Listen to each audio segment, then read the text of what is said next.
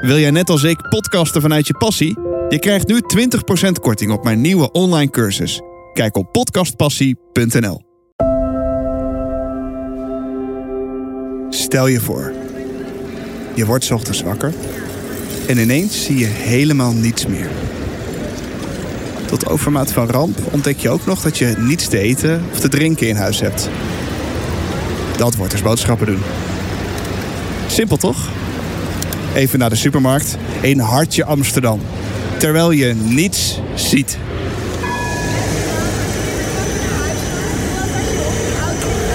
Hoe vind je je weg en wat zijn je alternatieven? Kan je het iemand anders voor je laten doen? Dat is moeilijk, hè?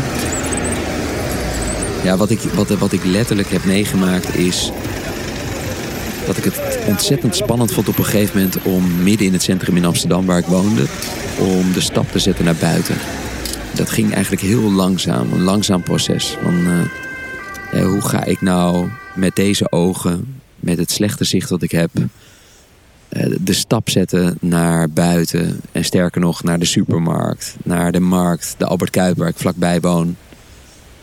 En ehm, het voelde echt als een soort van een steeds grotere en beperkendere factor om, om binnen te blijven.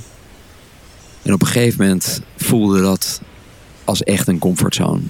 thuis blijven, water drinken, water uit de kraan. Het is zo makkelijk. Op een gegeven moment wilde ik zo graag naar dat pak melk. waar ik ehm, eh, wat voor moest doen. En ik vertel eigenlijk in dat verhaal hoe mijn eerste stappen waren eh, buiten het appartement. Eh, de straat oversteken, het, uh, het pak melk halen, de kleine succesjes daar, die ik daarin voelde. En, en uiteindelijk dat ik in, weer thuis kwam om dat pak melk uh, ja, in een glas te schenken. En het, uh, en het dan leeg te drinken. En, en dat voelde als een overwinning. Nu kan je dit natuurlijk als metafoor gebruiken voor elke andere situatie. Maar dit voorbeeld van deze spreker heeft mij geholpen om een persoonlijk beladen situatie vanuit een ander perspectief te gaan bekijken. Mijn naam is Ferry Molenaar en in deze podcast praat ik met iedereen die me raakt. Ik laat mijn nieuwsgierigheid op hen los, luister naar hun verhaal en praat over wat ze drijft in het leven. Zij krijgen dus bezoek van Ferry. De spreker die je net hoorde is Joost Richter. En hij neemt je letterlijk mee in het donker. Ik bedoel, hij blinddoekt zijn hele publiek. En hij vertelt over hoe het is om slechtziend of blind te worden. Eerst zorgde dat voor een allergische reactie bij mij. Ik bedoel, laten we eerlijk zijn. Ik weet wel een ding of twee af van blind zijn. Totdat hij het had over uh, zijn comfortzone. En hoe hij door het over, ja, behalen van kleine overwinningen zijn grenzen kon verleggen. Waardoor hij zich op steeds meer plaatsen en momenten in het leven meer op zijn gemak ging voelen. En ik legde meteen de link met een hele intense persoonlijke situatie voor mij uit het afgelopen half jaar. Uh, ik zou meteen met je zal delen als voorbeeld. Maar daarom ben ik zo blij dat ik nu bij hem op bezoek mag. Ik dacht dat ik... Ja, kijk. Zo. Hey, kerel. Gaat het goed? Ja, zeker. Ja? Ik hoop dat je van dit gesprek geniet. Zo ja, dan zou je me enorm helpen als je een beoordeling achterlaat in je favoriete podcast app. Of deel deze aflevering met je familie, je vrienden of je collega's. Als je het echt heel erg leuk vindt, dan zou het fijn zijn als je een donatie wilt doen in mijn blauwe spaarvarken. Daarmee draag je bij aan de productiekosten van deze podcast. Dit blauwe spaarvarken staat op ferrybezoekt.nl. Nu snel naar de oase van rust in Hartje Amsterdam, de achtertuin van Joost. Monsieur. Zou ik hem aannemen? Ja, oh, ik zet hem, zet Oh, dat is ook goed. Ja. Is dat oké? Ja, dat is fantastisch. Lekker, dankjewel. Uh, dankjewel dat ik bij jou op bezoek mag komen. Ja, heel leuk. En uh, ja, meer dan welkom. Nou hebben wij elkaar natuurlijk wel eens gesproken. Ik heb bij een paar, ik wil zeggen, een paar uh, keynotes, maar zijn het keynotes? Hoe noem je dat? Um, ja, presentaties. Ja, ik vind het altijd. Als ik spreekbeurt zeg, lachen mensen mij soms uit omdat ze denken: hey, ging het over je vis? maar uh, ja, het, het, het, het, het zijn nu steeds meer, wordt er gezegd dat ik een keynote mag geven bij zo'n organisatie. Ja. Ik vind spreekbeurt wel schattig of zo. Ja, ik uh, ook. Ik vind het ook wel leuk. ik ben uh, een paar keer, één keer, één, één of twee keer ben ik bij een spreekbeurt van jou geweest. Maar als iemand jou niet kent, wat vertel jij dan over jezelf? Ik merk wel dat ik steeds iets eerder vertel dat ik slechtziend ben. Ook omdat ik ehm, merk dat dat ook wel echt op de voorgrond soms treedt. Eh, dat ik mensen niet helemaal goed meer aankijk. Dus daar, eh, daar, daar vertel ik dan wel over. En ja, dan gaat zo'n gesprek heel natuurlijk. Dus dat kan natuurlijk dan ook over de ogen gaan. Ehm, maar meestal wendt het gesprek zich dan ook af in eh, ja, waar ik mee bezig ben, wat ik doe. En eh, ja, ook wel mijn interesse naar de ander. Hè, wat doe jij? En eh, ik merk dat het wel heel snel verbindt ook. En wat doe jij dan? Nou, ik, ik, ik, ik vertel dan vooral ook over dat ik iets heb gevonden wat heel erg nu zo dicht bij me past. Het spreken op events, verhalen vertellen, eh, noem ik het ook wel eens. En probeer eigenlijk binnen organisaties impact te maken eh, bij de mensen, individueel, maar ook op organisatieniveau. En dat, ehm, In welk opzicht? nou, wat ik. Vaak word ik ge- gevraagd hè, als spreker van. ehm, eh, we zitten in een grote verandering. Of eh, heel veel organisaties zijn heel druk bezig om, hè, na ook de coronatijd, weer heel erg de verbinding te vinden met elkaar, te zoeken. En ja, zij hebben het idee dat ik, ehm, dat ik ze daarin kan helpen. Omdat ik ze ja, probeer mee te nemen in een wereld die ze niet kennen. Dus ehm, ja, echt uit hun comfortzone te halen. In het donker te zetten, letterlijk. En daardoor allemaal in een soort vanzelfde schuitje komen met elkaar. Dus echt met elkaar in dat diepe springen. Waardoor ze ook dat gevoel van verbinding krijgen. Omdat ze allemaal in dezelfde situatie zitten. Nou heb ik eh, het voorrecht, vind ik, gehad om dat een tijd geleden, eind mei, te mogen ervaren. En als je het interessant vindt, wil ik je meenemen in eh, hoe ik dat ervaren heb. Jazeker. Ja. En eh, Daar gaat het eigenlijk om. ja. Ehm, mijn eerste reactie was: Oh nee, daar heb je er weer een. Hmm. Weer iemand die gaat vertellen eh, hoe het is om blind te zijn en eh, eh, je mee te nemen in, denk, duizend in een dozijn. Hm. Ehm, dus ik ging er schorvoetend in. Ik bedoel, Mooi. zelf blind. Ja. Ik heb de blinddoek ook geweigerd, want ik had zoiets, ja, weet je, met of zonder, het maakt voor mij geen klop verschil. Alleen op een gegeven moment eh, begon jij over water en melk. En ik weet niet of je zelf zou willen vertellen waar je zeg maar, bij het water en melk kwam. Want anders dan luister je deze podcast misschien en dan ben je het kwijt. Ja, snap ik, snap ik. Nee. Ja, wat ik, wat, wat ik letterlijk heb meegemaakt is dat ik het ontzettend spannend vond op een gegeven moment om midden in het centrum in Amsterdam, waar ik woonde, om de stap te zetten naar buiten. Dat ging eigenlijk heel langzaam, een langzaam proces. Van eh, hoe ga ik nou met deze ogen, met het slechte zicht dat ik heb, eh, de stap zetten naar buiten. En sterker nog, naar de supermarkt, naar de markt, de Albert Kuip waar ik vlakbij woon. En ehm, het voelde echt als een soort van een steeds grotere en beperkendere factor om, om binnen te blijven. En op een gegeven moment voelde dat als echt een comfortzone. Thuis blijven, water drinken, water uit de kraan. Het is zo makkelijk. Op een gegeven moment wilde ik zo graag naar dat pak melk. Waar ik ehm, eh, wat voor moest doen. En ik vertel eigenlijk in dat verhaal hoe mijn eerste stappen waren eh, buiten het appartement. Eh, de straat oversteken. Het, het pak melk halen. De kleine succesjes daar, die ik daarin voelde. En uiteindelijk dat ik in, weer thuis kwam om dat pak melk eh, ja, in een glas te schenken. En het, eh, en het dan eh, leeg te drinken. En, en dat voelde als een overwinning. En wat ik in mijn verhaal vertel is dat dat, dat allemaal kleine succesjes zijn die op een gegeven moment hebben geleid tot dat pak melk. En dat ik ook mensen vertel dat dat pak melk voor mij een enorm ding was. Een heel groot iets wat ik bereikte. En ook tegelijkertijd vertel dat dat, eh, dat dat op een gegeven moment misschien wel iets kleins wordt. En dat je andere stappen neemt, waardoor je wat grotere successen kan vieren. Maar het begon bij dat pak melk. En wat ik vraag aan mensen is van... Hè, wat is nou jouw glas water, je comfortzone? En wat is jouw pak melk? Waar zou je naartoe willen met die comfortzone? Hè, bedoel ik eigenlijk meer van... Wat is je glas water? Wat is je comfortzone waar je misschien wel op een gegeven moment klaar mee bent? Waar je niet zo veel zin meer in hebt. De comfortzone die niet meer goed voelt.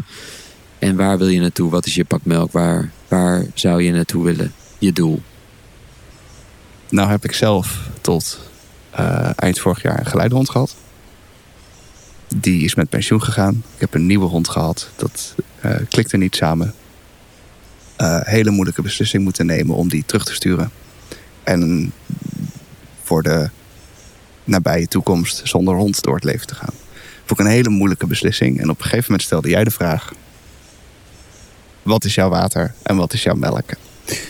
En wat ik daar dan, wat het op dat moment met mij deed, was. ehm, ik had melk tot eind vorig jaar. Ik was compleet tevreden met heel veel aspecten in mijn leven. Ehm, maar toen die match mislukte met die nieuwe hond en ik moest gaan kiezen om in de nabije toekomst alleen met een stok over straat te gaan, wat heel intensief was. Ik wou absoluut niet terug naar. Eigenlijk voelde het voor mij als: hé, mijn pak melk is zuur. Ik moet het terugbrengen naar de supermarkt. En ik wil eigenlijk niet dat het terug gaat naar de supermarkt, maar ik ben niet tevreden, dus het gaat terug naar de supermarkt.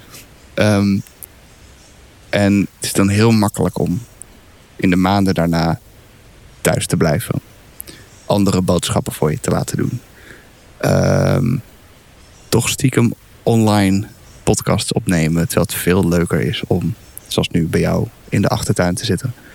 Ehm, en toen besefte ik me tijdens die spreekbeurt van jou...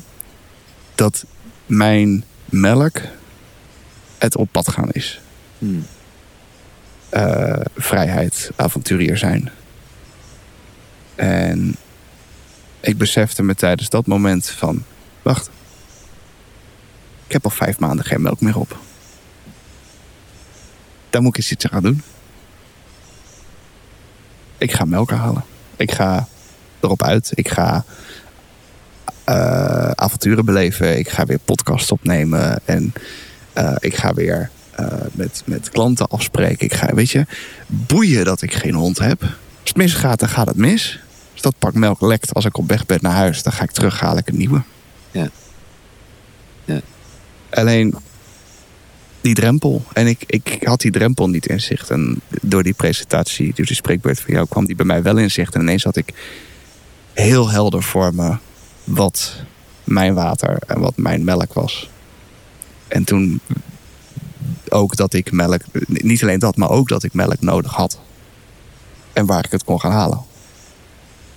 Maar dat gaat in mijn beleving niet alleen om water en melk. Want als je melk nodig hebt, dan is het leuk om te zeggen: ga maar naar de supermarkt. Maar je moet ook weten waar die is. En die puzzelstukjes die legt hier heel mooi zo in één lijntje achter elkaar. En ik zat met tranen in mijn ogen. Ik denk: dit is meer dan gemiddeld. Goed. Ja. En, en, en, en was er een omslagpunt? Was dat het omslagpunt dat je dacht van... hé, hey, ik, ehm, die allergische reactie die ik aan het begin had... Die, die vervalt en nu voel ik... nu kan ik mee. Nou, ik heb, die werd eerst nog erger. Eh, omdat ik het echt heel moeilijk vond. Maar toen ik doorhad hoe het werkte en waar mijn uitdaging lag. Toen kon ik eromheen. Ja. En toen ben ik er ook mee aan de slag gegaan. Ik geloof dat ik direct daarna naar jou toe ben gekomen. Maar ik denk, oké, weet je, nu meteen beginnen. Ik moet Joost interviewen. Ik wil een podcast met je opnemen. Eh, ehm, A, om dit te kunnen vertellen, maar ook om mijn melk te halen. Dus als je melk hebt in huis. Ik heb melk, ja. ja zeker. ik heb het niet zelf gehaald. Nou, het, het is mooi dat je het zegt. Kijk, ik, het, het, het, het leuke is, en het, of tenminste het interessante is, dat iedereen. eh, ik merk eh, bij de groepen die ik toespreek en, en de mensen, dat heel veel mensen, dat iedereen eigenlijk een glas water heeft en een pak melk. Zeven jaar later word ik nog steeds bericht van Joost, ik heb mijn pak melk. En, en je maakt niet een verhaal in eerste instantie voor mensen. Tenminste, zo is niet mijn aanvliegroute geweest. Ik heb een verhaal gemaakt om ook mezelf wat beter te begrijpen. Het was voor mij in eerste instantie echt een soort van therapie om iets op papier te zetten van joh, wie ben ik? Eh, wat helpt mij? En eh, ik ben dat een keer gaan uitspreken voor een aantal vrienden. En daar kreeg ik feedback op. En eh, langzaam werden dat steeds meer mensen waar ik dat verhaal voor ging vertellen. En eh, werd het een eh, enorme olievlek. En kreeg ik ook steeds meer feedback van, van organisaties. Waardoor ik voelde van hé, hey, dit verhaal heeft meer dan, is meer dan alleen een therapie voor mezelf. Maar eh, helpt ook anderen. En dat, dat, dat is natuurlijk een prachtig gevoel. Als je dat, eh, ja, als je dat meekrijgt. Was ook heel mooi. Ik was eh, een paar weken geleden in België voor een groot HR-event. En die dame die dat had georganiseerd, had dat vier jaar geleden als pak melk. Dus die had dat uitgesproken tijdens een event vier jaar geleden. En ik werd als keynote speaker gevraagd op dat event. En later zei ze, toen ze mij afkondigde: Joost, dit was mijn pak melk. Dit event.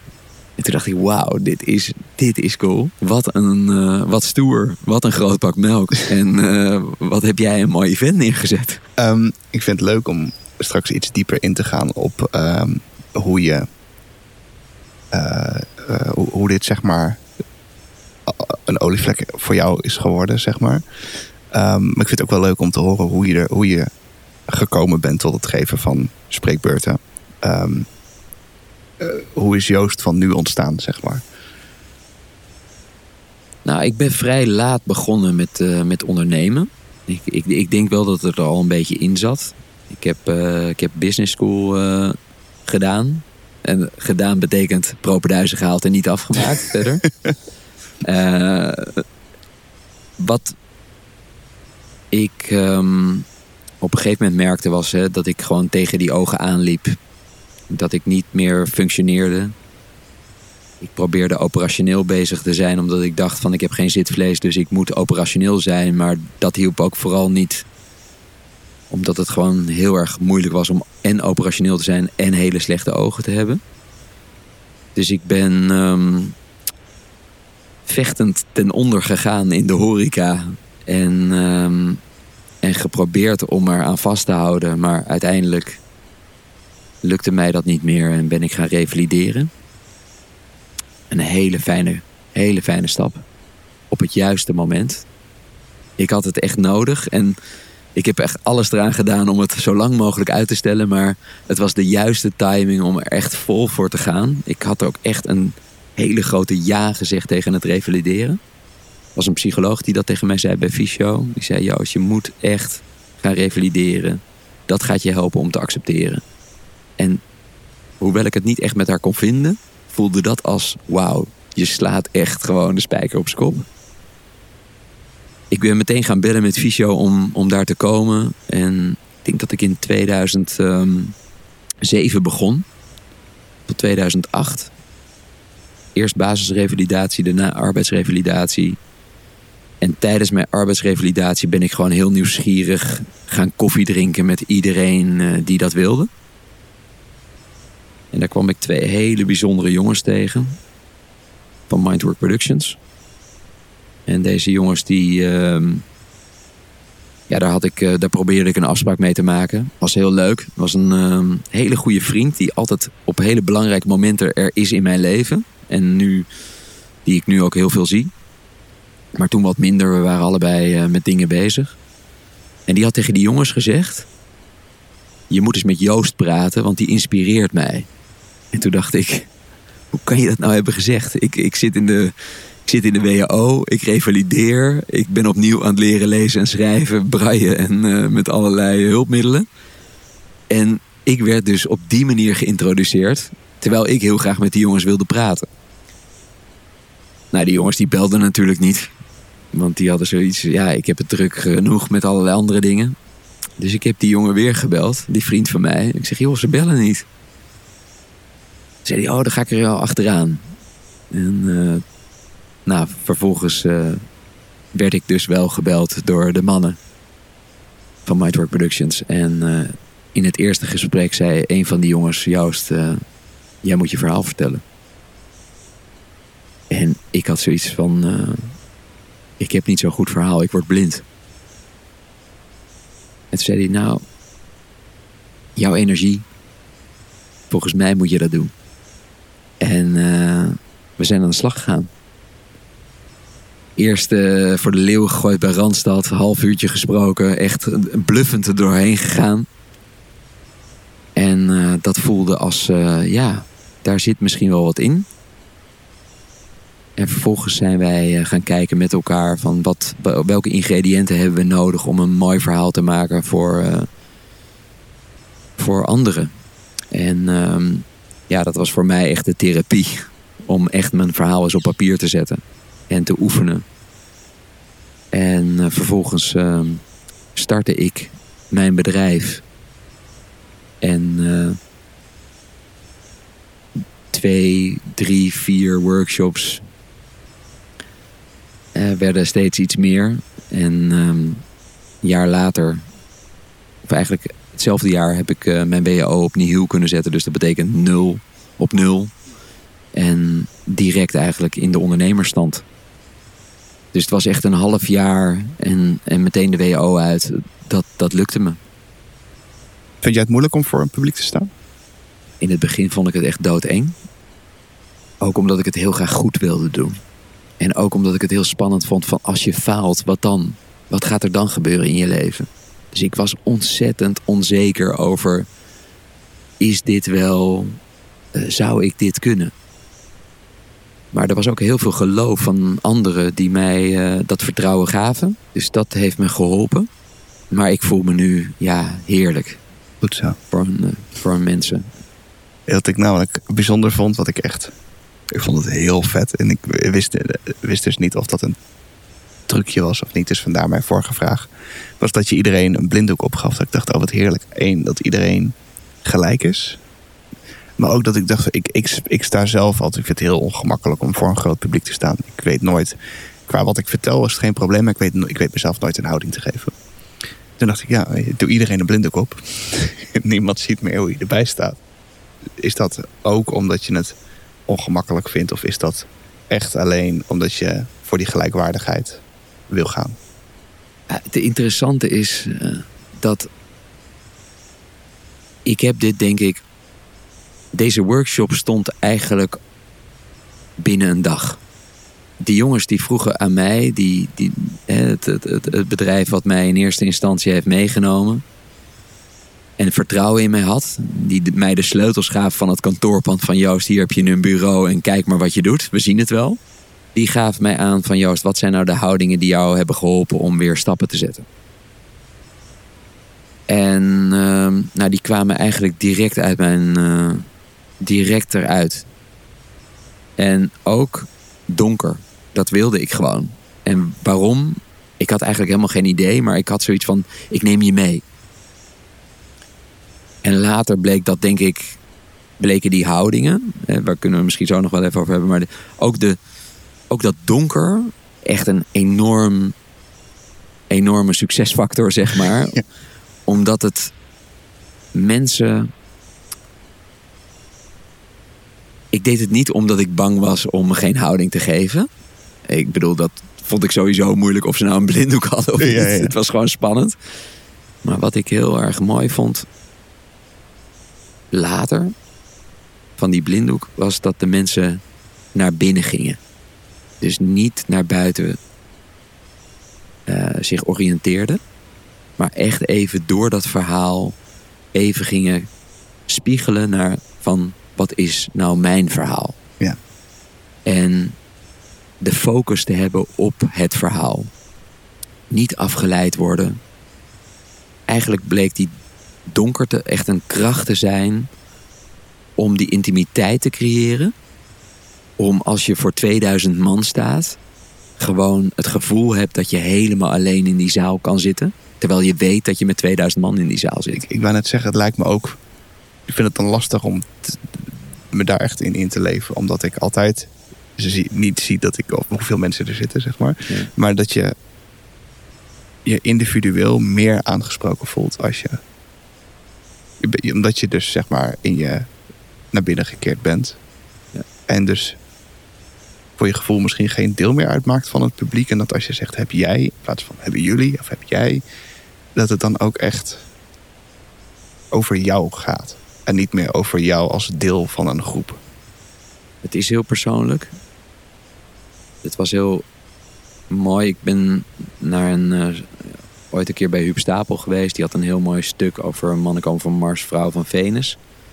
En hoe hij dat performde vond ik echt prachtig. Hoe hij dat deed. Ja. Natuurlijk als acteur. Maar wel, ja. En ik heb met hem een paar weken later, een soort van synchroniciteit, aan de keukentafel gezeten. En hij zei tegen mij, Joost, als je spreekt, spreek dan voor één iemand. Ja. Doe alsof je het voor één persoon doet. Dat, het heel persoonlijk wordt. En dat, eh, dat, dat, dat vond ik wel iets wat ik, ehm, wat ik meenam. Maar ook in het donker zijn kan heel veel triggeren. Dus de, zeg maar, corporate controller die in de zaal zit, kan het gevoel hebben van... oeps, ik heb totaal geen controle meer over mijn leven. Ik word helemaal gek. Ik wil die blinddoek van mijn hoofd afdrukken. Ja. En tegelijkertijd kan er iemand met ADHD in de zaal zitten die zegt... Oh Joost, wat heerlijk. Ik focus me eindelijk op jouw verhaal in plaats van op iedereen die er zit met telefoon. Ik heb helemaal niets meer behalve dat, dat verhaal. Wat goed. Ja. Ja. Dus het, is de, de, het triggert bij heel veel mensen een ander gevoel. Ja. Maar ze zullen altijd onthouden... we zaten met Joost in het donker. Ik eh, zat naast een eh, mevrouw tijdens deze spreekbeurt. En eh, die was een heel verhaal aan het bedenken over de water en de melk.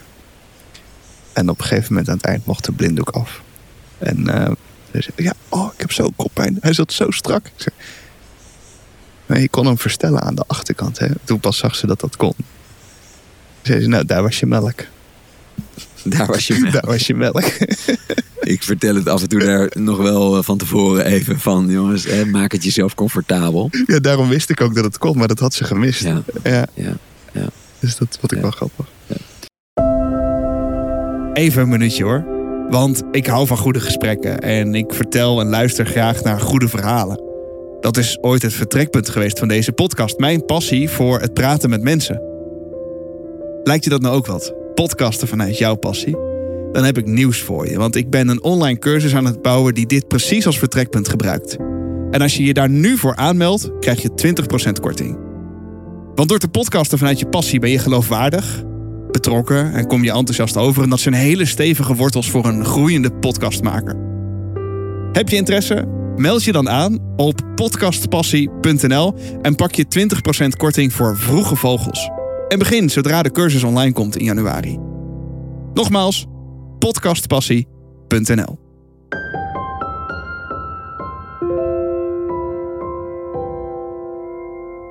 Terug naar het verhaal.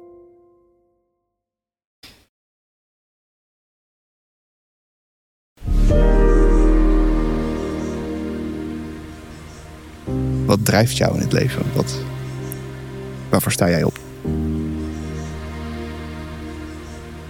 Wat ik denk ik het meest eh, pijn vind in het leven is de verbinding met anderen. Verbinding met mensen.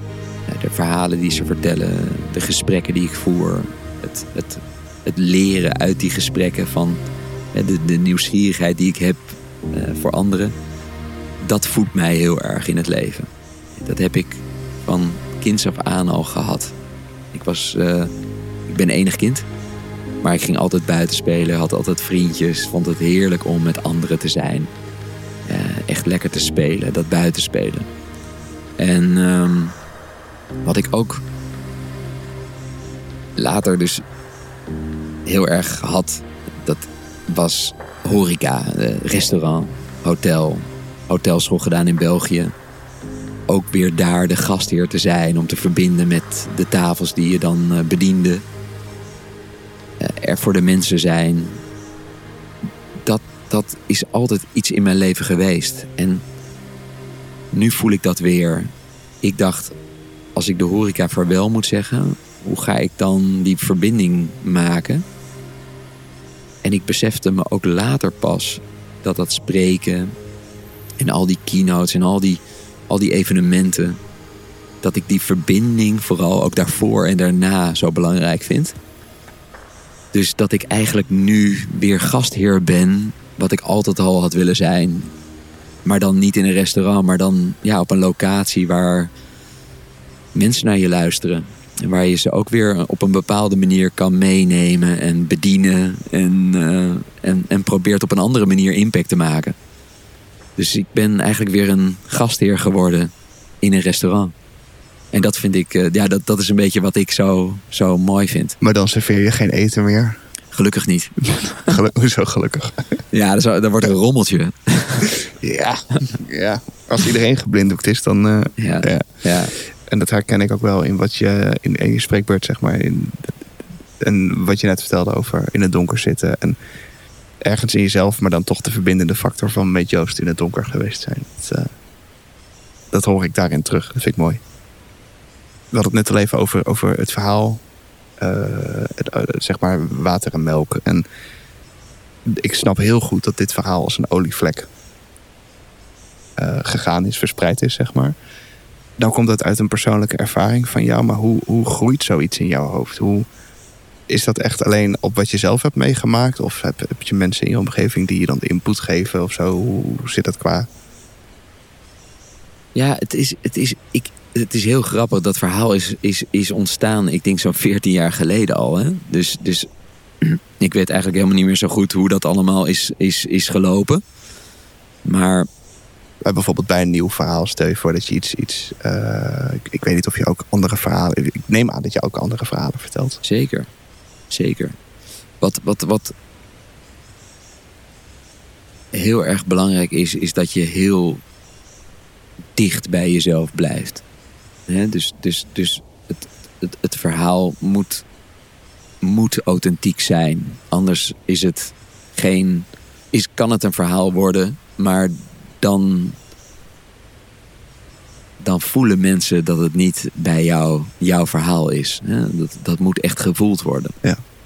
Dus ik denk dat je daar vanuit daar heel erg moet gaan of kan gaan, kan gaan denken. En ik denk ook dat het heel belangrijk is dat je maakt allemaal dingen mee. Iedereen heeft een verhaal. En het kan al starten met een soort van anekdote. Eh, misschien bij een pianist is dat een, een toonhoogte waar die mee wil beginnen. Of een, uh, een, een, een, Maar ik, ik, ik begin bij een anekdote. Maar ook wel van nu zeker van hè, wat, wat heeft iemand daaraan? Hè, is, is, het, is het relevant voor de doelgroep waar ik voor sta? Ja. Want ja, het is, het is natuurlijk wel belangrijk dat ook je publiek uh, heel goed mee kan komen in dat verhaal. En daar gevoel bij krijgt. En dus dat ook misschien wel kan toepassen op waar ze op dat moment uh, in hun leven wat. Uh, ja, dat ze dat. Um, ja, dat ze dat ergens kunnen plaatsen. Ik beaam voor duizend procent de authentieke kant van verhalen. Uh, zeker als het persoonlijke verhalen zijn. Wat ik altijd wel moeilijk vind, ik ben wel benieuwd hoe jij daarnaar kijkt, is de scheidslijn tussen luisterbaarheid, vertelbaarheid en authenticiteit. Dat je, uh, hoe kijk jij daarnaar? Offer je authenticiteit op voor vertelbaarheid bijvoorbeeld? Of juist niet? Nou, kijk, als het als het niet authentiek is, dan zou ik het niet kunnen vertellen. Nee. Eh, en dan kan ik het ook, dan kan ik het misschien een paar keer vertellen, maar dan, dan, dan blijft het daarbij. Ja. Wat wel toch gezegd moet worden. eh, er zijn heel veel goede sprekers, maar het is wel een vak. Toch ben ik achtergekomen. Absoluut. Absoluut. Nee, het is heel stom, want ik, ik, ik heb dat dus. Ik heb dus best wel. eh, nu, nu, nu natuurlijk gewoon. ehm, eh, ben ik jarenlang. Best veel op een, op een podium te vinden. Ja. En ik zei altijd van. Het, is, het- dat was bij mij echt wel learning by doing. Ik heb geen cursussen gevolgd of zo. Maar toch, ik zie ook heel veel sprekers stranden omdat ze ja, toch een van die dingen niet helemaal op orde hebben. Bijvoorbeeld hè, de vertelbaarheid. Eh, mensen slaan er niet op aan. Ja, dan wordt, het, dan wordt mond-op-mond reclame ook veel minder. Hè? Ja. Dan wordt het niet echt eh, doorverteld. Hmm.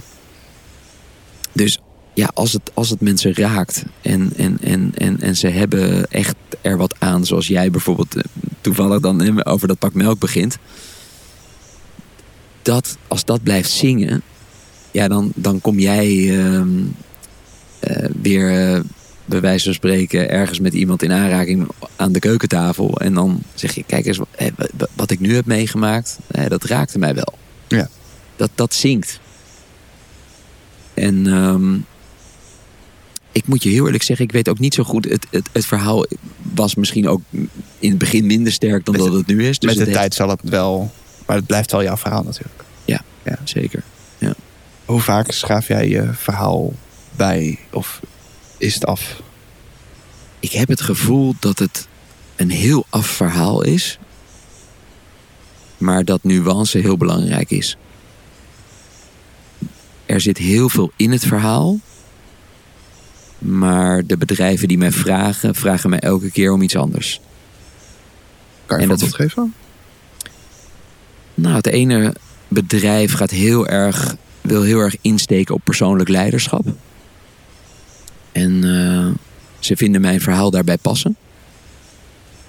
En dan schaaf ik met dat bedrijf mijn verhaal naar wat ze willen. Ja. Maar wel heel dicht bij mezelf blijven. Het is meer het perspectief of zo waar, waarvanuit je het belicht of Ja. zo. Kan ik het zo? Ja.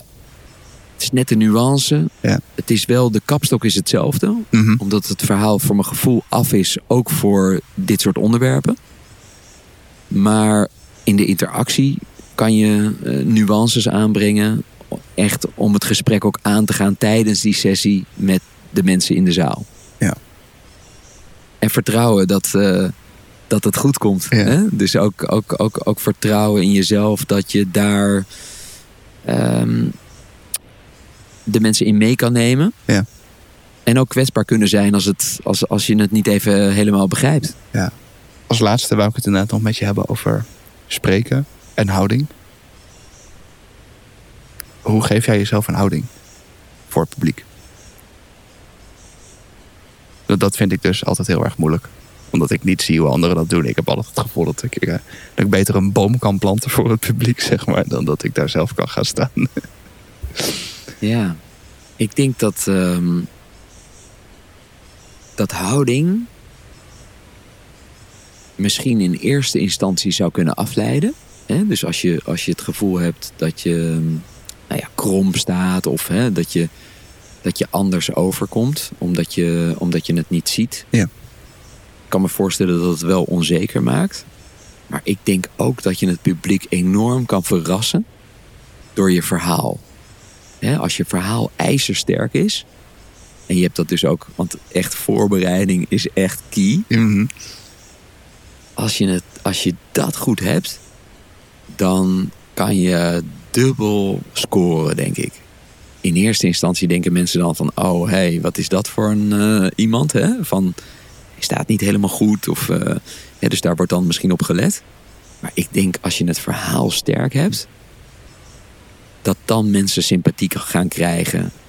Juist omdat je ook met die houding authentiek bent. Die is mooi. Ja, ik denk dat dat heel erg belangrijk is. Dat, dat, dat je misschien in eerste instantie zo, dat ze misschien zoiets hebben van oeh, wat is dit? Ja. Maar dat ze daarna echt voelen van wauw.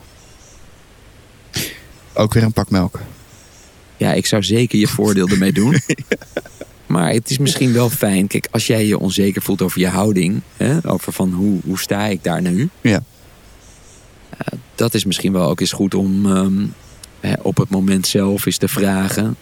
Als feedback. Ja. Hoe, hoe, hoe sta ik daar dan? En eh, heb je daar nog tips over? Ik zit me even voor te stellen hoe dat dan zou gaan. Ehm, en ik denk dat het ook wel leuk is om daar iets, iets leuks mee te doen of zo. Goh, hoe vinden jullie dat ik erbij sta? Ja, moet, ik rechtop, moet ik rechtop staan? Weer dat ik op één been ga staan? Ja, nou ja, dat zou zeker een. eh, geef, geef me aan hoe jullie willen dat ik ga staan. Ik hou het vol. ja, en dan niet ja. volhouden. Of mag ik mezelf zijn? Ja, oh, sterk, sterk, heel sterk. Ja, ja, ja, ja, ja, ja. Maar dat doe je dan daarna. Hè? Dus eerst laat je ze zeggen hoe je moet staan. En dan vraag je van, oh, maar vinden jullie het ook oké als ik mezelf ben? Maar nou gaat iedereen dat natuurlijk doen. En dan voelen ze zich ook een beetje zo van, oeh, jeetje, help. Oh god, ja, natuurlijk mag je jezelf zijn. Wel, dan voelen ze zich een beetje, ja, dat vind ik wel een sterke. Nou, maar kijk, zo gaat het eigenlijk, hè? Dat is, Leuk. al, dat is het, dat is het, eh, dat is wat de verbinding met elkaar doet van eh, mee met elkaar denken over zo'n situatie. En je hebt al een begin. Ik ga deze zeker onthouden. Ik vind hem goed. Heel erg bedankt dat ik bij je op bezoek mag komen. Jij bedankt. Ben je geboeid door dit gesprek? Wil je Joost een keertje uitnodigen bij jouw bedrijf of event? Ga dan naar ferrybezoekt.nl slash Joost. Hier vind je meer informatie, maar ook links naar zijn website en social media. En vergeet niet je 20% korting te pakken. En start in januari met de cursus Podcasten vanuit je passie. Kijk op podcastpassie.nl. Tot zover dit bezoek. Vond je hem leuk? Abonneer je dan via Spotify of via welke app je ook maar naar je podcast luistert. Het maken van deze show kost tijd en geld, maar ik doe het met heel veel passie en plezier. Je zou me wel enorm helpen als je een fooi wil achterlaten. Hiermee koop ik mijn treinkaartjes of je draagt bij aan de productiekosten van deze show. Kijk op ferrybezoekt.nl. Alvast bedankt en tot het volgende bezoek van Ferry.